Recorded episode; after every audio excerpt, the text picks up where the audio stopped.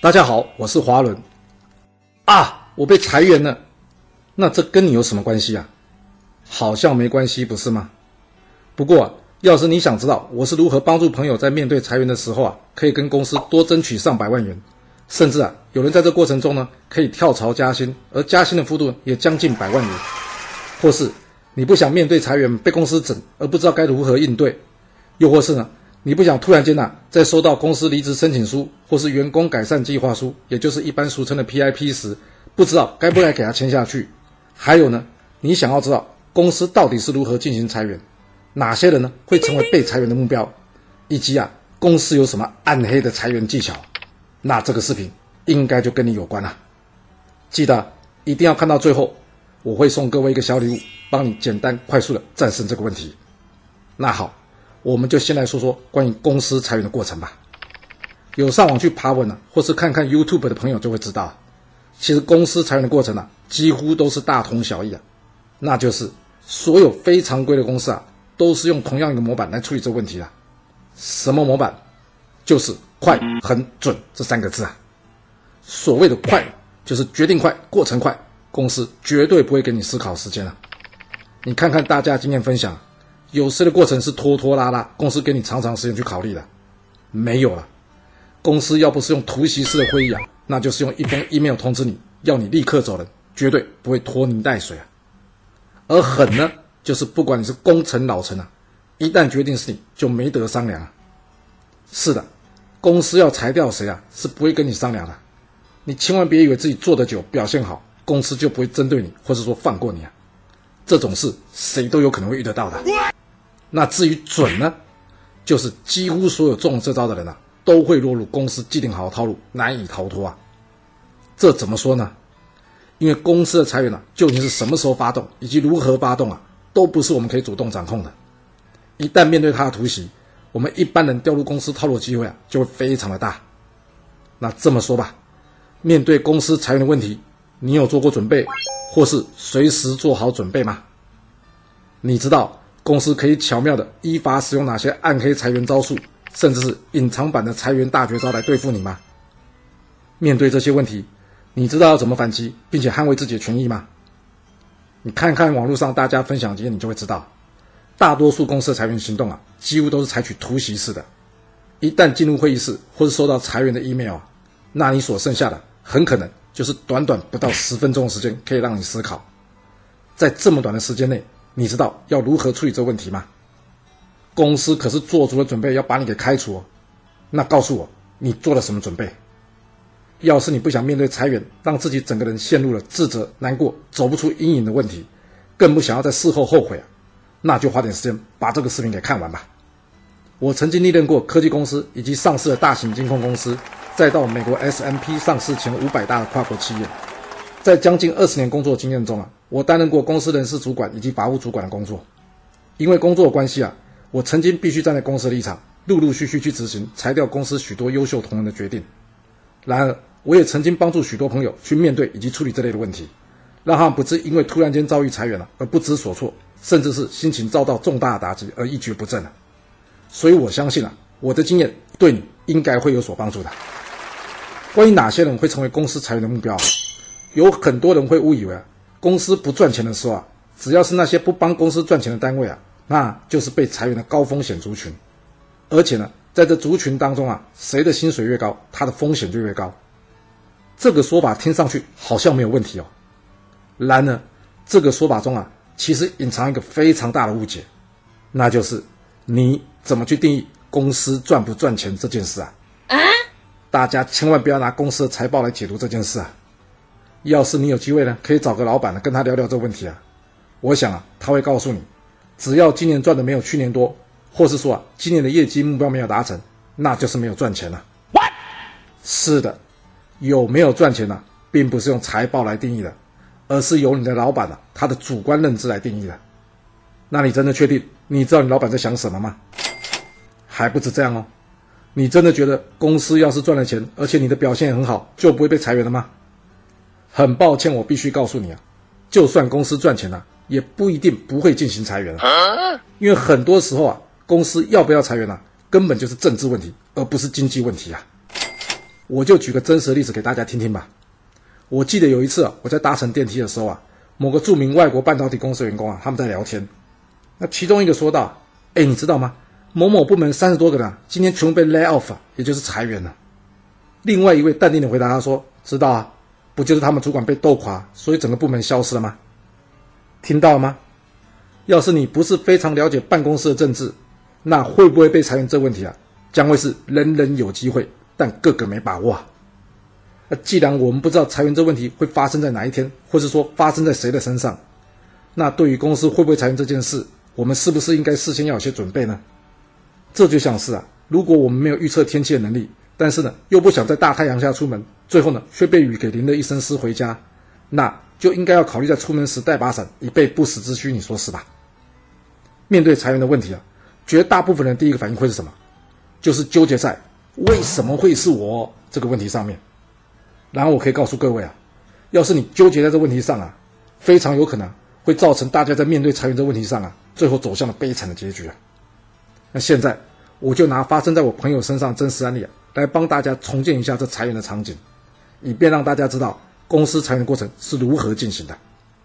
这一天呢，一切一如往常，我这位朋友呢在公司忙他的工作，突然间，他主管通知他，让他到小会议室开个临时会。那至于开什么会呢？他事先完全不知道。也是的，像公司这类型的会议啊，多不胜数啊。我想也不会有人去问到底是开什么会啊。然而，当他一进入这小会议室后啊，他看到他的主管还有公司人事部门同仁啊，以及透过视讯会议来开会的律师啊，已经在那边等他了。接着，他主管告诉他说，公司要进行人力调整，而很遗憾的呢，他在这波裁员的名单中。听到这突如其来的消息啊！对我朋友来说啊，根本就是晴天霹雳啊！因为他上一年度的目标达成率才刚刚创下历史新高啊，那怎么会就会是他呢？他对公司贡献这么大，而且公司最近不是还在招募新人吗？另外一个案例啊，是我另外一个朋友，他那天呢是在拜访客户的路途上啊，结果呢被公司给突然间给召回啊，公司要求他取消当天所有行程呢，并且回到公司开会。那回到公司之后呢？虽然是不一样的小会议室，不同的人，但是啊，却一样有主管、人事以及律师。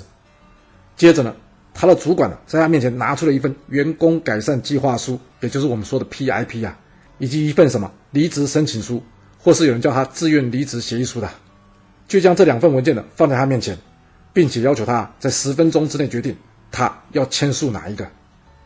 看到这，我朋友完全傻眼了。他的业绩目标过去近三年都有达成呢，是啦，最近这个月绩效有点落后，但怎么会这样？他就成了公司 PIP 的对象呢？你听完这两个真实案例之后，你有什么感觉啊？有没有觉得这些公司裁员的理由非常的瞎？就是很瞎。但是你可以告诉我，既然这理由这么瞎，那为什么绝大部分人在面对公司拿出离职申请书或是员工改善计划书 PIP 时，大家几乎都还是当场给他签下去了，难道大家心中都没有疑惑吗？当然有啊！哎，啊，既然当时有疑惑，为什么还要签下去呢？要是你有问过这些人呢，相信哦，你会听到答案都差不多啊。要不是跟你说因为事出突然来不及思考，就是跟你说公司说不签了，就一切按照法律程序走，他会怕。这以上呢是从来没有准备要面对裁员问题朋友会给你答案。不过还有另外一种。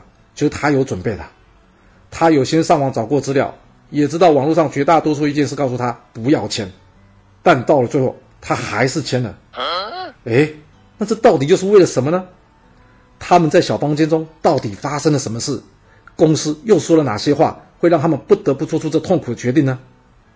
那现在让我们再次回到这小会议室，或者是说小房间来吧，让我来向你介绍公司暗黑裁员技巧的首部曲啊。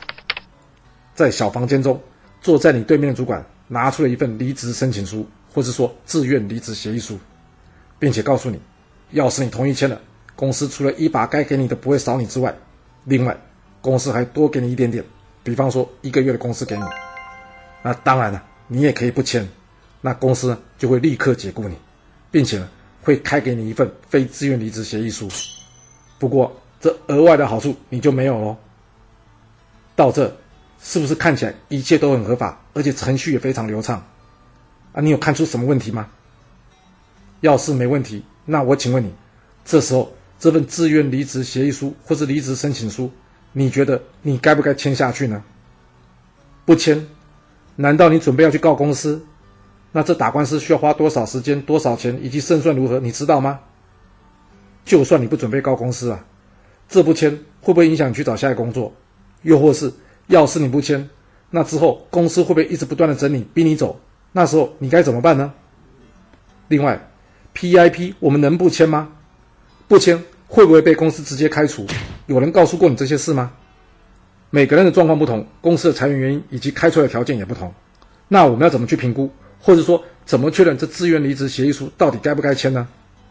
虽然网络上很多人都告诉我们离职协议书不要签，但是啊，我在外商圈工作的朋友，他在听了我告诉他公司裁员的技巧以及应对的方式之后啊，他就有签。而在这过程中呢，他不但可以用轻松冷静的心情啊去面对并处理这件事啊，最后呢，他还从公司那里啊额外多拿了上百万元，甚至啊，有的人在这过程中啊跳槽加薪，加薪的幅度啊也将近百万元。所以啊。这自愿离职协议书或是 PIP 啊，并不是不能签，只是签与不签这当中啊，还有许多可以操作的技巧，你必须事先知道。面对裁员呢，我们一定啊要懂得按照下面 C、S、E 三个步骤去做，这样就可以正确并有效的应对。所谓的 C 就是 Confirm 确认，也就是确认裁员的原因呢，而 S 就是 Study 了解，事先了解面对裁员所需要资讯。这些资讯呢，除了法律层面以及政府资源外，另外了解整个公司裁员或者说 PIP 的过程会如何进行，以及最最最重要的是啊，公司可能会使用什么暗黑的伎俩或是手段，我们该如何应对？那当然了，要是遇上最糟糕的状况，比方说我们要跟公司走到打官司的话，我应该要有哪些准备？这些啊，都是面对裁员问题时啊，我们需要了解的资讯。而最后 E 呢，就是 evaluate 评估。在综合了上面两点之后，我们才能进行评估。因为不同原因会有不同的权益跟主张，而由于每个人状况跟需求不同啊，所以这个问题呢，会随着不同的人而有不同的答案。我简单来说吧，你可以告诉我，这月薪在六万五千元以上的人，他的处理方式跟月薪在六万五千元以下的人他的处理方式会有什么不一样吗？另外，这工作性质属于业务跟属于研发、工程或是行政类的有什么不一样呢？还有啊。这个工作或者说收入啊，对被裁员的人来说是不是非常重要？以及他的年纪、下一个工作找寻难易度等这些问题啊，每个人状况都不一样，涉及的法律也不相同，我们很难用统一的标准去说明或是进行评估。我相信呢，没有人会想听我说一堆跟自己无关的事情了，因为这是在浪费双方的时间啊。我希望是，能将这些资讯呢，有效率的提供给那些想要了解并进而解决自己问题的人。你可以到这个视频中的说明栏，我会提供你一个免费课程的连接，让你对这个问题呢有进一步的认识。最后，裁员相关的主要权益啊有五个，其中呢关于资遣费的部分呢，在劳动部网站有提供试算，我将网站连接呢放在我的说明栏中，你可以自行参考。那至于其他预告期间工资、失业给付、职业训练生活津贴以及法律辅助等呢，这些相关内容你也可以上网去找一下，都会有答案的。不过，要是你跟我说你真的不知道怎么算，我这边呢也有制作一个简单的小工具，可以协助你估算。有需要的朋友呢，要请你先帮忙给我这视频点个赞，然后呢到说明栏中找到我 email 的联系方式跟我索取。